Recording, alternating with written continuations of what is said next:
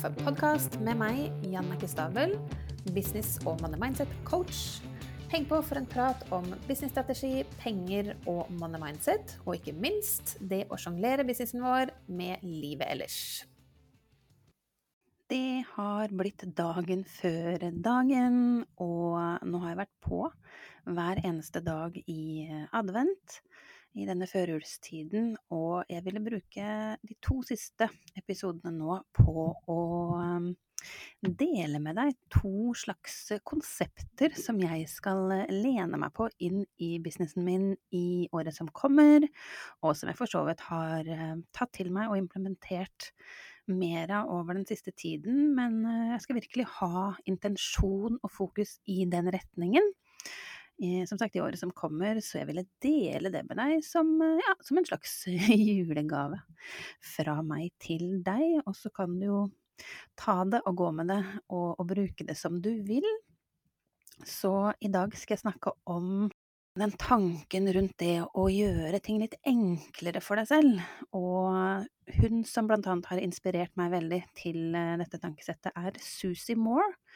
Og hun har skrevet boka Let it be easy og hun har for øvrig også en eh, podkast som eh, Jeg har ikke hørt på den veldig mye selv, jeg har vært innom der.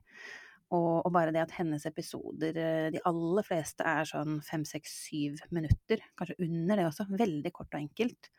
Og undertittelen på boka er 'Simple Ways to Stop Stressing and Start Living'.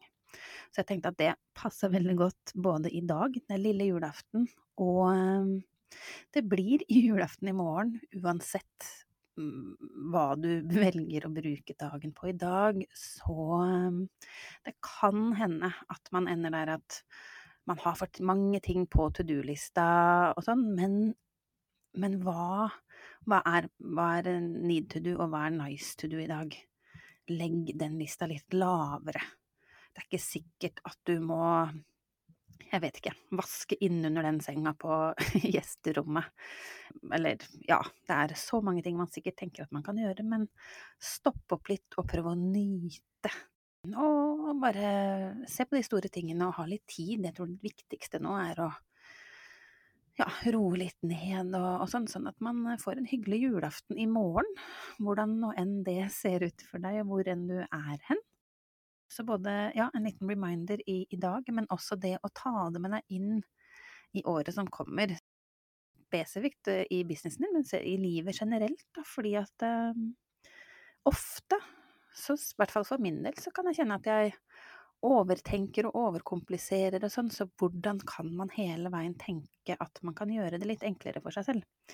Det er litt sånn konseptet. Og jeg slo opp på en tilfeldig side, for den boka her er For det første så er den enkel å lese. Alle, alle kapitlene er på enten en side eller to.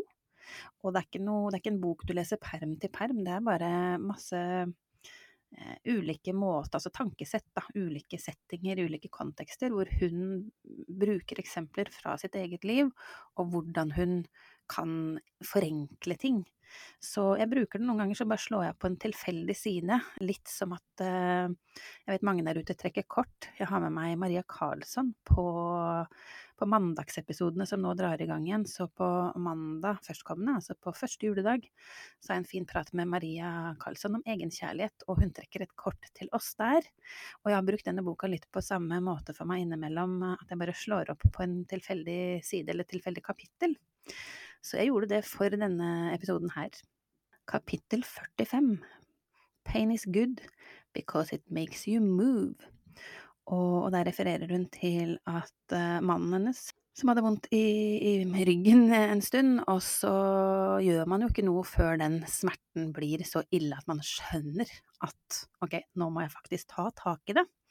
Og hun også refererer til uh, ja, sin egen tid i corporate før hun, um, før hun starta sin egen business, at og det kan jeg kjenne meg godt igjen i, det der å ha en del hendelser i ansattverden før man kjenner at nei, nok er nok. Og hun skriver det. Enough is a powerful feeling, it stirs action and change.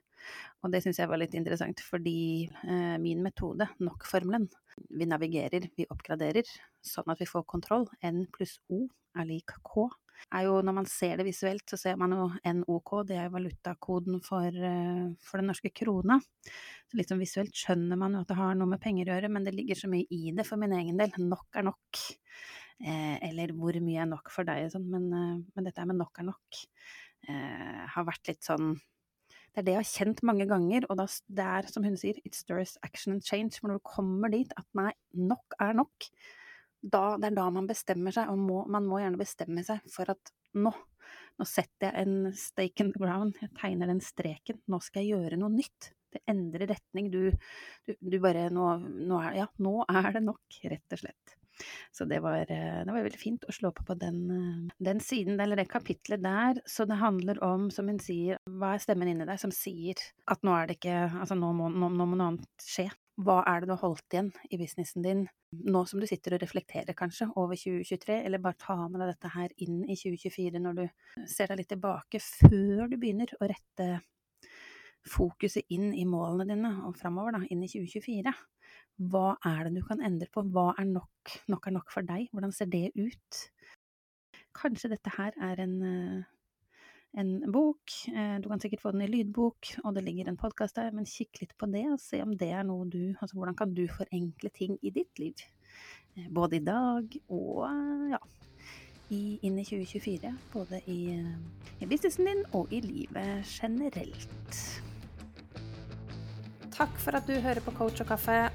Og hvis du liker det du hører, blir jeg supertakknemlig hvis du kan sette av et lite minutt til å gå inn nå og gi meg en god rating, så flere som deg kan dra nytte av denne podkasten. Og med det så gleder jeg meg til vi høres i neste episode.